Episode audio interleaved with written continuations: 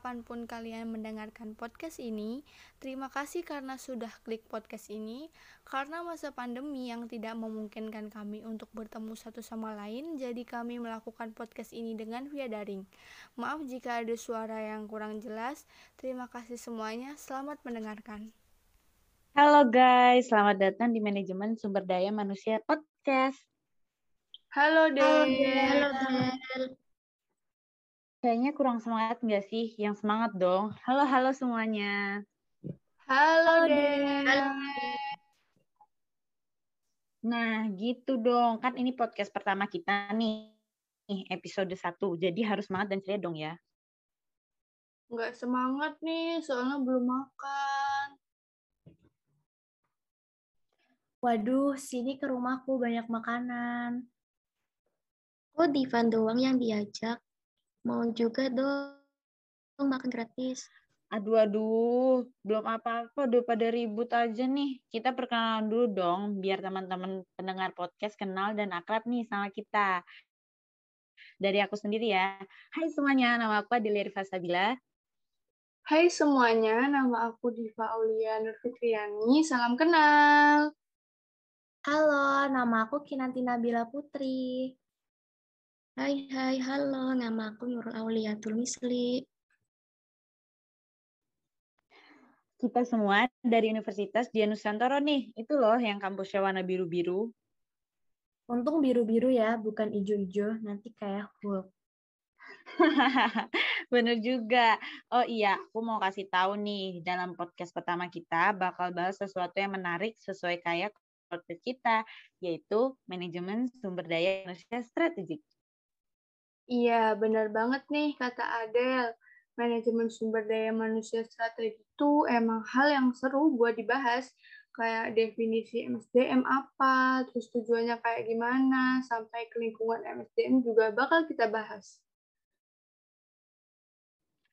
Betul, kita di sini pengen teman-teman pendengar podcast ini seenggaknya tahu apa sih manajemen sumber daya manusia itu.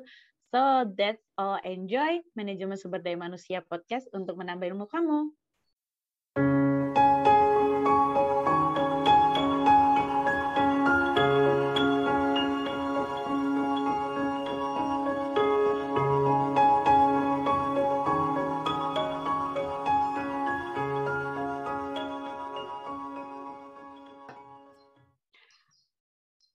Oke, pertama-tama aku bakal tanya nih ke Diva, Nurul, sama Puput. Menurut kalian, apa sih manajemen sumber daya manusia itu?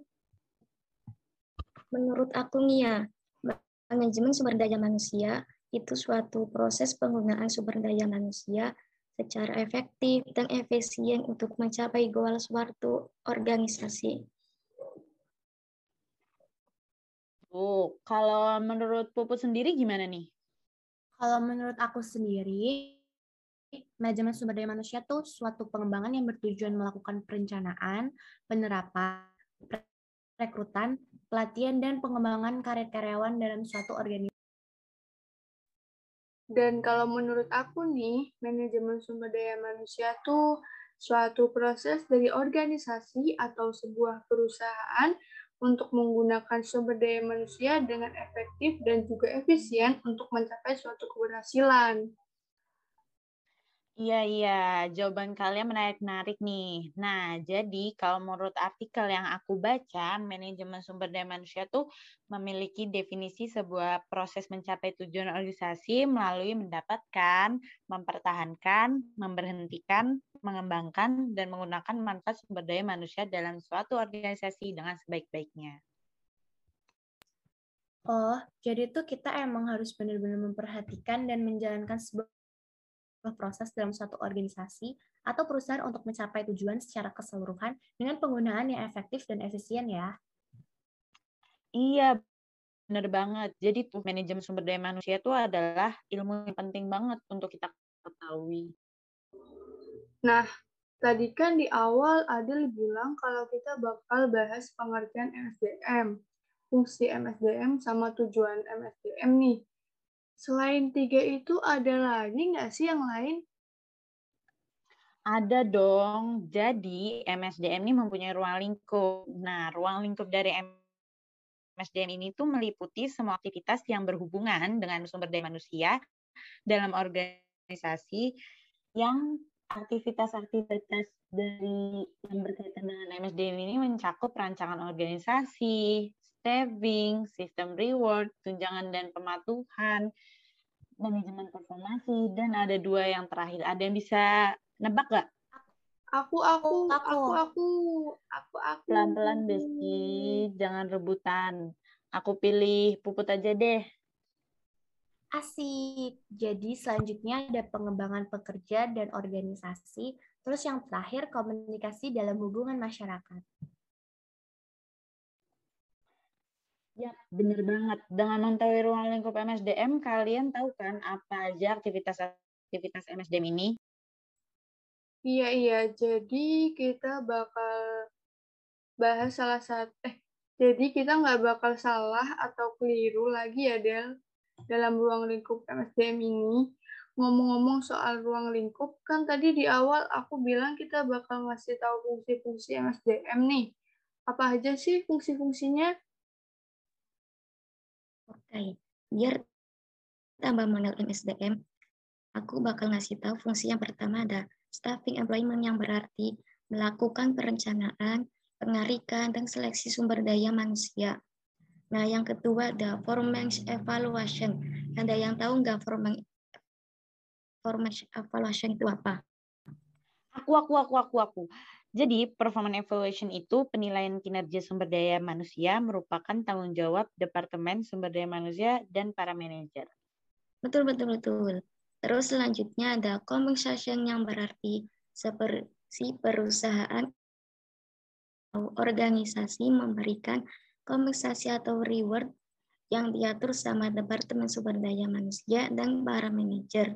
Yang keempat ada training and development yaitu bertanggung jawab dan membantu para manajer menjadi pelatih dan penasehat yang baik. Yang kelima, employment relation. Di sini Departemen Sumber Daya Manusia berperan aktif dalam melakukan negosiasi dan mengurus persetujuan serikat pekerja yang keenam ada safety and health untuk mengurangi kejadian yang tidak diinginkan. Dan yang terakhir ada personal digunakan sebagai meningkatkan efektivitas perusahaan. Departemen Sumber Daya Manusia melakukan analisis terhadap masalah individu dan perusahaan serta membuat perubahan yang sesuai. Dan banyak juga ya fungsi-fungsi MSDM. Nurul ngejelasnya sampai ngap-ngap gitu tuh. Kalau Nurul ngap, nanti aku ngap. nah, selain mempunyai fungsi, MSDM mempunyai tujuan-tujuan menarik nih. MSDM aja punya tujuan. Kalian gimana nih? Punya tujuan nggak? Atau sesuatu yang pengen dicapai gitu?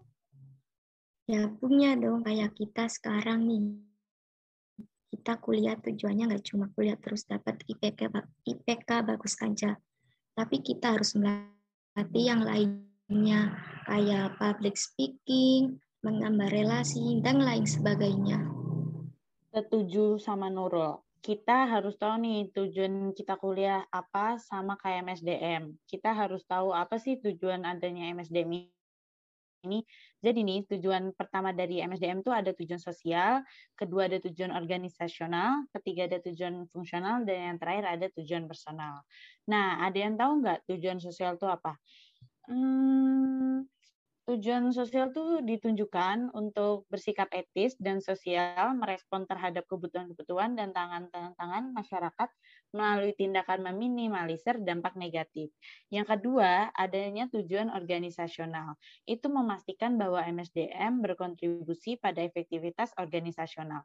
Yang ketiga, ada tujuan fungsional untuk menjaga kontribusi Departemen SDM dalam tingkat layak bagi kebutuhan-kebutuhan organisasi. Terus tujuan yang terakhir yaitu ada tujuan personal. Itu untuk membantu para karyawan mencapai tujuan-tujuan pribadi mereka sejauh tujuan-tujuan mendorong kontribusi individual bagi organisasi.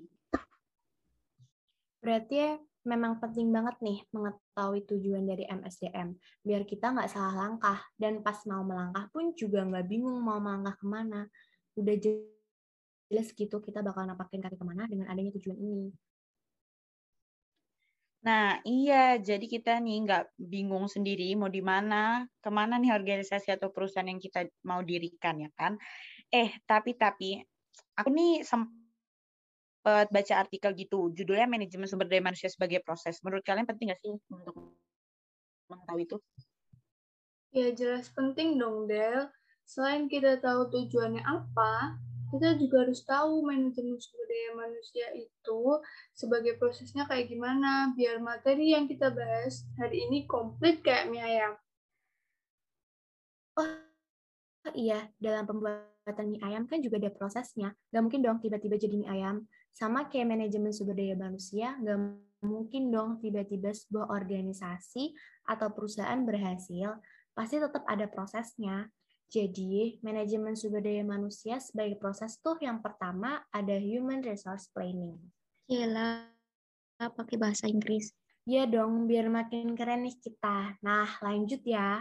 Yang kedua ada personal procurement, yang ketiga ada personal development, ada personal maintenance, dan yang terakhir ada personal utilization. Keren-keren nih tahap-tahapannya. Materinya pasti lebih keren lagi dong. Mm -mm. Aku bakal ngasih tahu satu-satu dong biar makin paham. Nah, Human Resource Planning itu perencanaan strategis biar dapat dan memelihara kualifikasi si SDM yang diperluin sama organisasi atau perusahaan. Terus yang kedua, ada personal procurement yang berarti konsekuensi logis dan implikasi dari adanya perencanaan SDM dibuat, agar langkah selanjutnya dapat dilaksanakan seperti penyediaan sumber daya manusia, rekrutmen, seleksi, bahkan penempatan kerjanya. Yang ketiga, ada personal development. Digunakan biar tenaga kerjanya tuh terpelihara dan tetap memenuhi kualifikasi sehingga nanti bisa berjalan berdampingan dengan perencanaan yang sudah dibuat. Yang keempat, personal maintenance. Itu tenaga kerja yang udah dipilih yang terbaik nih, nanti bakal dikasih program yang baik juga. Dan yang terakhir, ada personal utilization. Langkah terakhir nih yang digunain untuk memelihara tenaga kerja tetap terpelihara dan tetap setia sejalan sama rencana strategis perusahaan. Kalau kalian gimana? Termasuk yang setia atau enggak nih? Waduh, setia soal apa dulu nih? Setia buat mempelajari manajemen sumber daya manusia dong. Ya, kalau itu sih harus setia. Kalau buat teman-teman yang lagi dengerin podcast, masih setia nggak nih di sini? Atau udah mulai bosan? Aduh, aduh, aduh. Jangan sampai bosen lah ya, soalnya kan kita bakal menyapa lingkungan dari MSDM ini sendiri. Jadi guys, lingkungan MSDM ini terbagi menjadi dua, yaitu ada lingkungan eksternal dan ada lingkungan internal. Lingkungan eksternalnya itu mencakup masyarakat, teknologi, dan yang terakhir ada peristiwa yang tidak terduga. Nah, lingkungan internalnya itu ada manajemen sumber daya manusia itu sendiri, terus adanya keselamatan dan kesehatan, kompensasi, pengembangan sumber daya manusia, penyediaan staf, hubungan kekaryawan dan pemburuhan. Terus ada juga nih adanya pemasaran, operasi, area fungsional lainnya, dan yang terakhir adalah keuangan. Nggak sampai situ aja nih, bro and sis. Biar kece lah ya kita pakai bro and sis. Bukan kece, tapi kayak orang-orang all shop gak sih? Wah, parah nih. Padahal udah kece tahu pakai bro and sis uh, udahlah ya daripada bahas Ensis aku mau lanjut nih bahas lingkungan MSDM yang terdiri dari 10 bagian yaitu teknologi, politik dan hukum, ekonomi, sosial budaya, pasar tenaga kerja, pesaing, pelanggan, pemilik usaha, demografi, dan yang terakhir ada serikat pekerja yang bakal kita koyak satu-satu. Nah, dalam sebuah organisasi atau perusahaan, pastinya bakal memerlukan tenaga kerja yang terampil dalam bidang teknologi. Soalnya kan zaman sekarang tuh teknologi makin maju, jadi kita perlu tenaga kerja yang terampil dalam bidang itu. Jadi kita nggak bakal ketinggalan sama yang lainnya. Terus di sini juga ada didukung sama ekonomi nih. Kalau ekonomi dari organisasi atau perusahaan krisis, pasti bakal nyiptain hal yang menyakitkan nggak sih? Iya, sesakit tinggal dia sama yang lain. Waduh, kalau itu kayaknya lebih sakit ya. Tapi kita lanjut dulu nih ke bahasan kita, baru nanti hatinya diobati.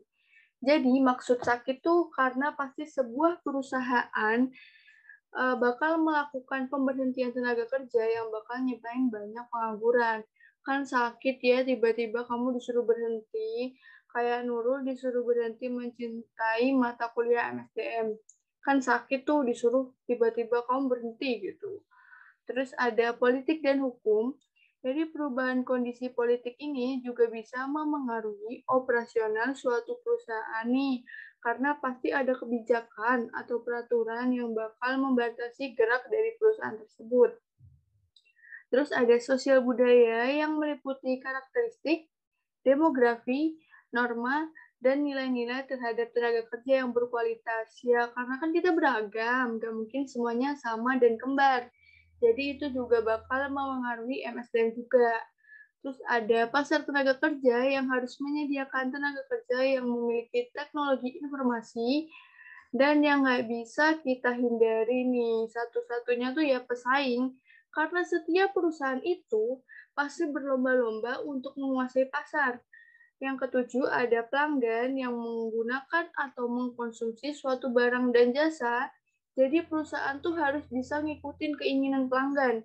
Karena pelanggan itu selalu berubah seleranya, pasti ngikutin tren. Jadi kita harus bisa ngikutin gimana selera dari pelanggan tersebut. Yang kedelapan, ada pemilik usaha yang membutuhkan investor untuk memberdayakan sumber daya manusianya. Terus yang kesembilan ada demografi yang berguna menunjukkan ada berapa sih jumlah kaum muda yang jadi pengangguran di tahun sekian dan sekian. Terus fenomena apa sih yang mengakibatkan hal tersebut? Apa karena pertambahan penduduk atau karena kondisi ekonomi global yang kurang baik gitu kan? Dan yang terakhir ada serikat pekerja yang berguna biar para pekerja itu punya wadah buat nyampein segala aspirasi atau keluhan mereka. Jadi kayak curhat gitu ya. Pada sebuah organisasi atau perusahaan dan aspirasi tersebut bisa ditampung sama organisasi atau perusahaan. Nah, nanti mereka yang yang buat jadi apa ya memperbaiki sistemnya terus mereka bakal ngasih jaminan kerja juga. Berarti ke 10 bagian itu harus kita terapin dalam organisasi atau perusahaan. Jadi kita bisa menempatkan diri dengan tepat dalam lingkungan MSDM gitu kan. Yoi, benar banget nih. Nggak stop sampai situ aja. Si manajemen sumber daya manusia ini juga memiliki peran seperti melaksanakan analisa jabatan, melakukan perencanaan terhadap kebutuhan pegawai dan merekrut para pekerja, menyeleksi calon pekerja, memberikan pengenalan dan penempatan bagi para pekerja, melakukan penempatan terhadap upah, gaji, dan memberikan kompensasi, terus memberikan insentif, melakukan evaluasi kerja, mengkomunikasikan, memberikan penyuluhan, dan menegakkan kedisiplinan kerja, memberikan pelatihan, pendidikan, serta mengembangkan SDM, membangun komitmen kerja, memberikan keselamatan kerja, memberikan jaminan kesehatan, menyelesaikan perselisihan tentang perburuhan, dan menyelesaikan keluhan serta relationship karyawan. Mengenal aja sama SDM dari bahas pengertian sampai ke lingkungan MSDM. So, teman-teman yang dengerin podcast ini, pasti udah mulai paham nih MSDM itu apa dan berguna untuk apa. Iya, Nah, dari lingkungan MSDM juga muncul organisasi dalam manajemen sumber daya manusia yang terbagi menjadi tiga. Apa aja nih kira-kira? Yang pertama, ada fungsi SDA tradisional pada perusahaan besar seperti pengadaan SDM, pengembangannya, kompensasi, hubungan perburuhan, dan keselamatan kerja berada di bawah pembinaan manajer nih. Selanjutnya, ada fungsi SDM yang dikembangkan untuk dikerjakan oleh pihak lain, sehingga sistem yang berlaku dalam organisasi berubah sesuai keutuhan. Dan yang ketiga nih, jeng jeng jeng. Udah kayak mau dapat uang kaget aja nih pakai jeng jeng jeng kan biar degan gitu. Nah, yang ketiga ada fungsi SDA sebagian dialihkan ke pihak lain untuk kepentingan efisiensi pencapaian tujuan perusahaan. Di sini juga terdapat keberadaan SDM dalam organisasi kayak visi, strategik, sama operasionalnya gimana. Di bagian visi ini terdapat fungsi-fungsi dari manajemen sumber daya manusia sendiri kayak perencanaan, pengorganisasian, penyusunan SDM, penggerakan, hingga pengawasan. Di bagian kedua yaitu strategik masih di fungsi-fungsi manajemen kayak pengadaan, pemberian kompensasi, pengembangan sumber daya pengembangan sumber daya manusia, pengintegrasian, dan pemeliharaan. Terus di bagian terakhir ada operasional yang udah masuk ke tingkat pelaksanaannya nih kayak pengetahuan, keterampilan, dan persyaratan pekerja lain. Para ahli MS, MSDM juga nggak diam aja. Mereka akan menyusun pedoman dan sistem yang berkait dengan fungsi-fungsi MSDM. Jika pekerja memenuhi pedoman atau persyaratan tersebut, akan melaksanakan pekerja sesuai dengan harapan sebuah perusahaan. Berarti nggak cuma hidup aja yang butuh pedoman, manajemen sumber daya manusia juga butuh pedoman buat pegangan biar semuanya rapi dan selaras dengan yang direncanakan, jadi nggak bingung. Uh, aku kalau bingung malah pegangan tangkai pohon, Del. Ngapain pegangan pohon? Mending pegangan tangku sambil bahas pendekatan-pendekatan yang ada di MSDM diawali dengan pendekatan mekanis. Dalam pendekatan mekanis, tenaga manusia dapat tergantikan dengan tenaga mesin untuk melakukan pekerjaan berdasarkan pertimbangan. Pendekatan mekanis ini juga pasti menimbulkan masalah kayak pengangguran teknologis, serikat buruh yang tumbuh dan berkembang karena akan mengurangi posisi tawar dalam perusahaan.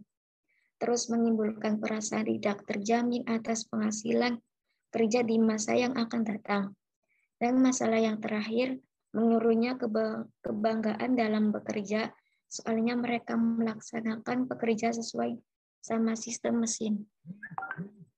Aku juga mau nambahin dua pendekatan, yaitu pendekatan paternalisme. Dalam pendekatan ini tuh manajer bertugas untuk memberi pengarahan kepada bawahannya. Jadi manajer bertindak seperti kepala keluarga dalam sebuah keluarga gitu itu yang menimbulkan dua karakteristik seperti organisasi tidak terlalu mementingkan keuntungan, tetapi lebih mementingkan manusia. Jadi sudah jelas tindakan ini tuh ngebuat tingkat keuntungan berkurang.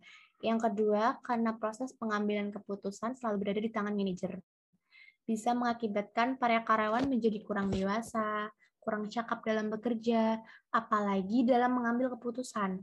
Terakhir, ada pendekatan sistem sosial yang melihat kalau sebuah perusahaan atau organisasi itu sistem yang punya sifat kompleks yang beroperasi dalam suatu lingkungan yang kompleks juga. Dan biasanya nih juga disebut sebagai suatu sistem yang beroperasi di Widih, ternyata kita udah bahas banyak banget nih soal MSDM. Udah akrab pastinya sama manajemen sumber daya manusia. So pasti besti. Jadi dari pemaparan materi yang udah aku, ada Puput dan Nurul jelasin, aku mau ngingetin sekali lagi nih, kalau manajemen sumber daya manusia itu merupakan perencanaan, pengorganisasian, penyusunan staf, penggerakan dan pengawasan terhadap pengadaan, pengembangan, pemberian kompensasi, pengintegrasian dan pemelihara sumber daya manusia untuk mencapai suatu tujuan secara keseluruhan. Dan dari materi yang aku tangkap, menurut pendapat aku, MSDM itu penting banget diterapin di kehidupan sehari-hari. Kenapa sih kok penting banget? Nah, kayak tadi nih kita udah membahas tentang adanya tujuan, fungsi, manajemen sumber daya manusia sebagai proses, peran, pendekatan-pendekatan, dan masih banyak lagi. Dari situ tuh kita bisa ambil intinya aja ya, kalau MSDM itu seperti halnya dalam melakukan perencanaan, penerapan, perekrutan, pelatihan, dan pengembangan itu bakalan tertata rapi di dalam suatu organisasi. Nah, agar berjalan dengan efektif dan efisien. Nah, ma nah makanya tuh kenapa kita harus menerapkan MSDM itu di kehidupan sehari-hari. Karena menurut aku ya itu tadi. Itu menurut pendapat aku sih. Dan dari apa yang aku tangkap di dalam materi ini, MSTM memiliki keberadaan STM kayak visi strategik sama operasionalnya. Dan juga ada pendekatan-pendekatan STM, seperti pendekatan mekanis yang dapat digantikan dengan tenaga mesin, yang menimbulkan pengangguran teknologis, serikat buruh, mengurangi posisi tawar dalam perusahaan, menguruhnya kebanggaan dalam bekerja. Oleh karena itu, setiap manusia harus mengerapkan di kehidupan bahwa MSDM itu suatu proses penggunaan sumber daya manusia secara efektif dan efisien untuk mencapai goal suatu organisasi. Oke, teman-teman semuanya, kita nih tadi sudah ngebahas banyak banget ya kan, saking banyaknya nih bener-bener sampai aku yang sampai paham banget gitu loh tentang manajemen sumber daya manusia strategik. Dan terima kasih banget nih buat teman-teman aku juga teman-teman aku di podcast ini untuk Diva, Nurul dan Puput yang sudah menjelaskan banyak banget tentang manajemen sumber daya manusia ya jadi tuh kita bukan cuma tahu dasarnya aja tapi sampai ke inti-intinya tuh kita tahu tentang manajemen sumber daya manusia tuh apa gitu. Jadi yang dapat aku pahami dan simpulkan gitu kan dari materi pemaparan materi tadi aku jadi tahu nih definisi dari manajemen sumber daya manusia tuh apa gitu kan. Kalian juga jangan sampai lupa ya, barusan tuh udah Diva sebutin tuh Habis itu, aku juga jadi makin paham soal tujuan dari MSDM itu sendiri. Yang salah satunya tadi ada tujuan organisasi dan yang lainnya. Ingat ya, sekali lagi, nggak cuma tujuan aja loh. Tadi juga ada tentang pengertian apa atau definisi tentang MSDM itu sendiri ya kan? Terus dilanjutkan oleh ruang lingkup MSDM itu apa? Terus dilanjutkan lagi dengan fungsi MSDM sampai ke proses-proses MSDM itu juga ada gitu kan teman-teman. Terus adanya juga lingkungan MSDM lingkungan MSDM juga nggak cuma kayak yang dasar-dasarnya aja tapi sampai yang ke inti-intinya tuh juga MSDM tuh ada gitu lingkungannya. Sampai yang terakhir adanya pendekatan MSDM nah bagi teman-teman nih harus bisa ngertiin manajemen sumber daya manusia ya. Jangan cuma doi mulu yang di ngertiin oke? okay? Oke, kalau gitu kita tutup sesi podcast ini. Terima kasih untuk teman-teman yang sudah mendengarkan. Kalau kalian masih ingin tahu kelanjutan dari manajemen sumber daya manusia, jangan lupa buat mendengarkan episode selanjutnya ya. See you and have a nice day. Bye-bye.